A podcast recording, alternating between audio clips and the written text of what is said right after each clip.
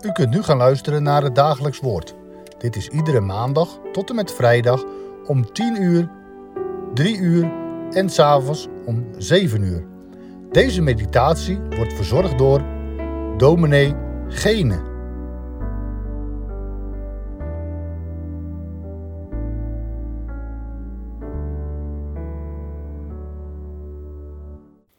Hartelijk welkom, luisteraars van het dagelijks woord. We zijn bijna aan het einde gekomen van het boekje Rut. Het is maar een klein boekje in de Bijbel. En we lezen er vanaf vandaag twee versen uit. Het 16e en het 17e vers van hoofdstuk 4. Rut 4, vers 16 en 17. En Naomi nam het kind en zette het op haar schoot en ze werd zijn verzorgster. En de buurvrouwen gaven hem een naam. Zij zeiden, bij Naomi is een zoon geboren. En ze gaven hem de naam Obed. Hij is de vader van Isaï, de vader van David. Het is een vol hoofdstuk, om het maar zo te zeggen. Dat vierde hoofdstuk. Er gebeurt heel veel. Het zijn de daden van Boas, die ervoor zorgt dat Naomi en haar buitenlandse schoondochter, haar Moabitische schoondochter, onder zijn hoede komen. En dat hij met Rut trouwt. En zo is er nu ook toekomst voor deze buitenlandse vrouw en haar schoonmoeder. En het gaat nog verder. Als ze getrouwd zijn, dan wordt er een kind geboren. En de buurvrouwen zijn er ook bij aanwezig. Ze zeggen tegen Naomi, gelooft zij de Heere die niet heeft nagelaten om u vandaag een losser te geven. De Heere heeft Naomi gehoord, naar haar omgezien. En nu tot slot van deze geschiedenis, voordat er nog een stukje geslachtsregister komt, zien we daar een daad van Naomi. Naomi nam het kind. Het kind dat God gegeven had. Het kind dat de toekomst was voor Naomi. En nu zet ze het op haar schoot. Ze is de grootmoeder. Maar ze is bovenal de vrouw die door de Heere gezegend is Terwijl ze, zo hebben we gelezen aan het begin van het boekje in hoofdstuk 1, gezegd dat de Heer heeft mij bitterheid aangedaan, hij heeft zijn hand tegen mij opgeheven. De Heer is mij tegengekomen. En het liep voortdurend door elkaar heen. Want ze ging wel terug, omdat ze gehoord had dat de Heer aan zijn volk brood gegeven had. En ze sprak met Rut. En ze moedigde haar aan om toch met die man, die een losser was, contact te zoeken. En zich aan zijn zorgen toe te vertrouwen. En het is allemaal gegaan in de weg van de Heere God. Dat is wat dit boekje wil zeggen. Dat is de diepe betekenis. In die tijd waarin de richters richten, in die tijd waarin er zoveel goddeloosheid was in Israël. Waar we elke keer weer lezen dat het volk van de Heer was afgedwaald en de afgoden diende. In een tijd waarin je zegt, het lijkt wel alsof het geloof in de God van Israël heeft afgedaan, is daar deze vrouw. Ook in haar leven gaat er van alles mis. En ze heeft keuzes gemaakt en ze zijn anders uitgekomen. Het is diep gegaan. En het lijkt er soms op dat ze de Heere God vaarwel wil zeggen. En toch, God houdt vol en God houdt vast. En nu, nu is ze dat kind. Ze neemt het. Ze ontvangt het. Ze zet het op haar schoot. De belofte van God, mij geschonken. En ze gaat voor dat kind zorgen. Ze opent haar hart voor de belofte van God die in dat kind waar geworden is.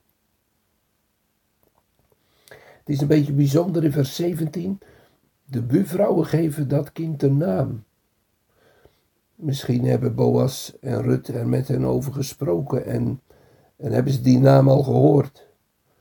En gaat het er nu vooral om dat, dat, de, dat de buurvrouwen, dat de vrouwen van Bethlehem Naomi aanspreken en de Heere God ervoor loven en prijzen. Bij Naomi is een zoon geboren. Nee, het is het kind van haar schoondochter. En van haar, ja, schoonzoon. In ieder geval van de losser. Het kind dat in de wereld komt. Om in deze moeilijke situatie redding te brengen. Maar de vrouwen zeggen, de Heer heeft aan Naomi genade bewezen. Er is een zoon geboren. Ze geven die naam, dat kind, de naam Obed.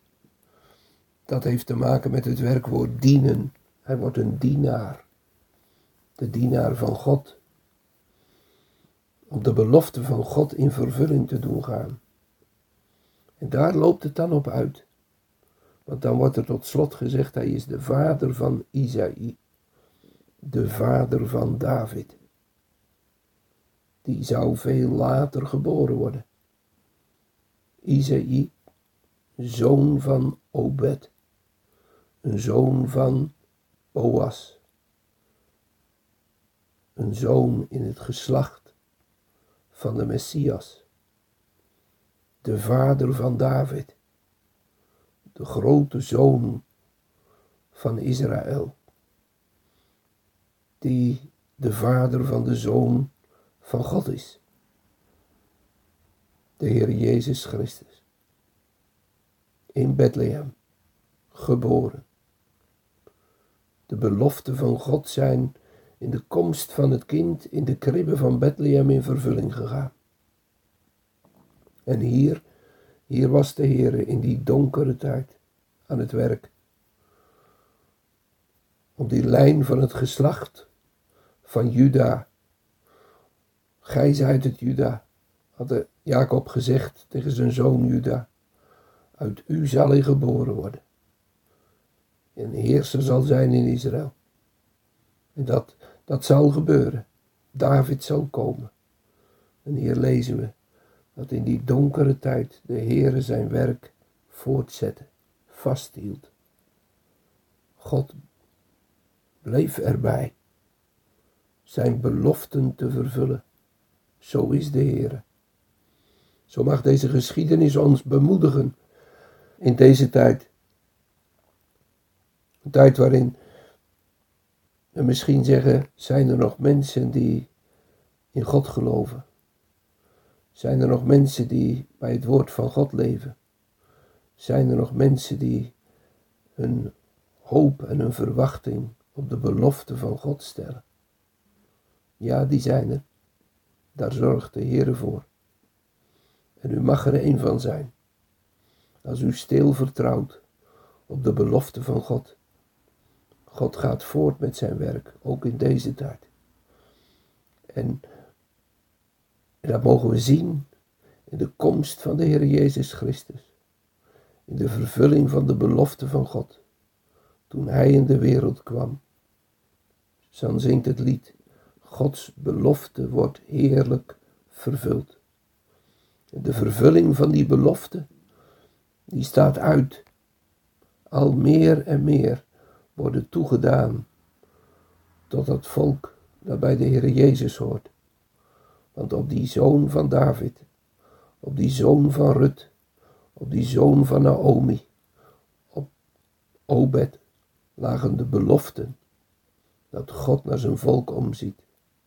De Heere heeft een losser gegeven in deze wereld tot verzoening van zonde en schuld, tot vernieuwing van ons leven, maar ook tot een volle verwachting en uitzien dat die dag komt, dat de Heer Jezus Christus op de wolken des hemels zal wederkomen en zijn koninkrijk zal beginnen. Wat een dag zal dat zijn. Dan zullen we het zeggen, de Heere heeft een verlosser gegeven. En zijn naam, zijn naam is beroemd in Israël. Dat is die hooggeprezen naam van de Heer Jezus. In Hem hebben we dan het leven. In Hem ontvangen we de toekomst. Maar ook dan ontvangt Hij de eer in uw leven. Zullen we samen bidden? Heren, we danken u dat we in deze twee versen iets mogen lezen van uw belofte en van uw werk in uw Zoon, de Heer Jezus Christus. Dat is toch waar, waar heel de openbaring heen wijst. Dat we komen bij de Zoon van David, altijd maar weer, in wie u uw genade betoont. Maar ook dat we dan steeds bemoedigd mogen worden om de weg met u te blijven gaan om ons vast te klampen aan wat u belooft. En Heere, wat is het dan groot en goed? Dat u dat geloof schenkt. En dat u ons elke keer weer door uw woord de weg wijst. Wees zo met ons op deze dag.